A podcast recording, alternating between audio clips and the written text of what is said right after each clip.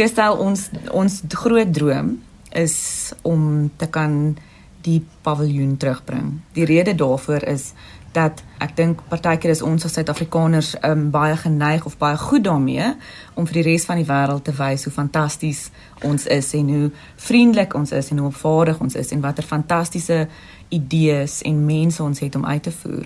Ek dink ons is baie sleg daarmee om dit partykeer vir onsself te sê.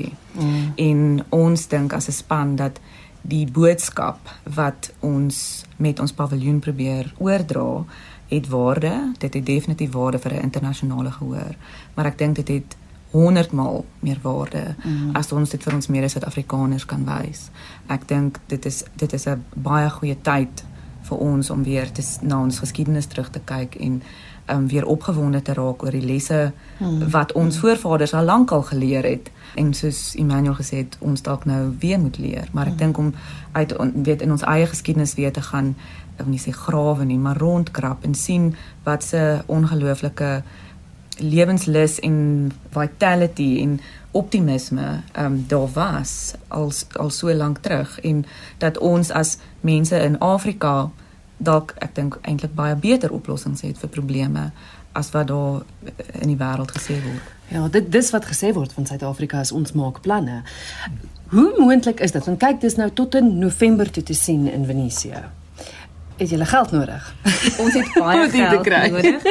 Ons het um, ons is besig om so weer eens uh, om iets daar so gebou te kry is nie eenvoudig nie en om iets terug te kry is ook nie eenvoudig nie.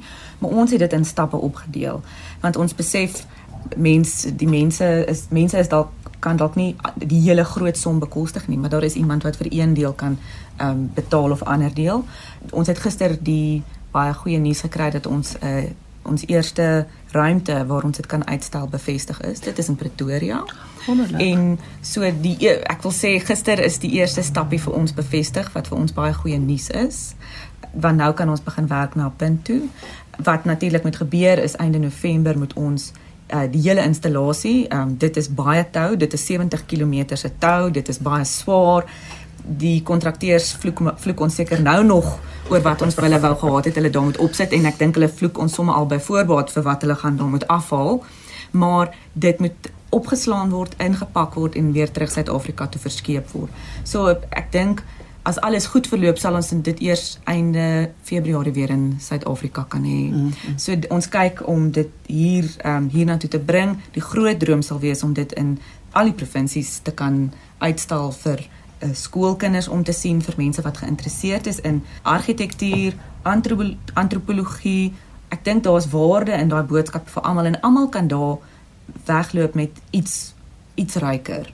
Ehm um, ek dink een van my gunsteling video's wat ek geneem het op my selfoon toe ons daar was was hoe klein kindertjies die paviljoen geniet het om deur toue so te hardloop soos deur gordyne te hardloop. Ek dink ons paviljoen was definitief die kinders van die Biennale se gunsteling. En um, Steven het dit baie mooi opgesom toe hy gesê het mens kan ons paviljoen ervaar op 'n op 'n fisiese vlak deur voel, vat, ruik. Ehm um, mens kan dit ervaar op 'n intellektuele vlak en as jy regtig graag wil kan jy dit ook op 'n spirituele vlak ervaar.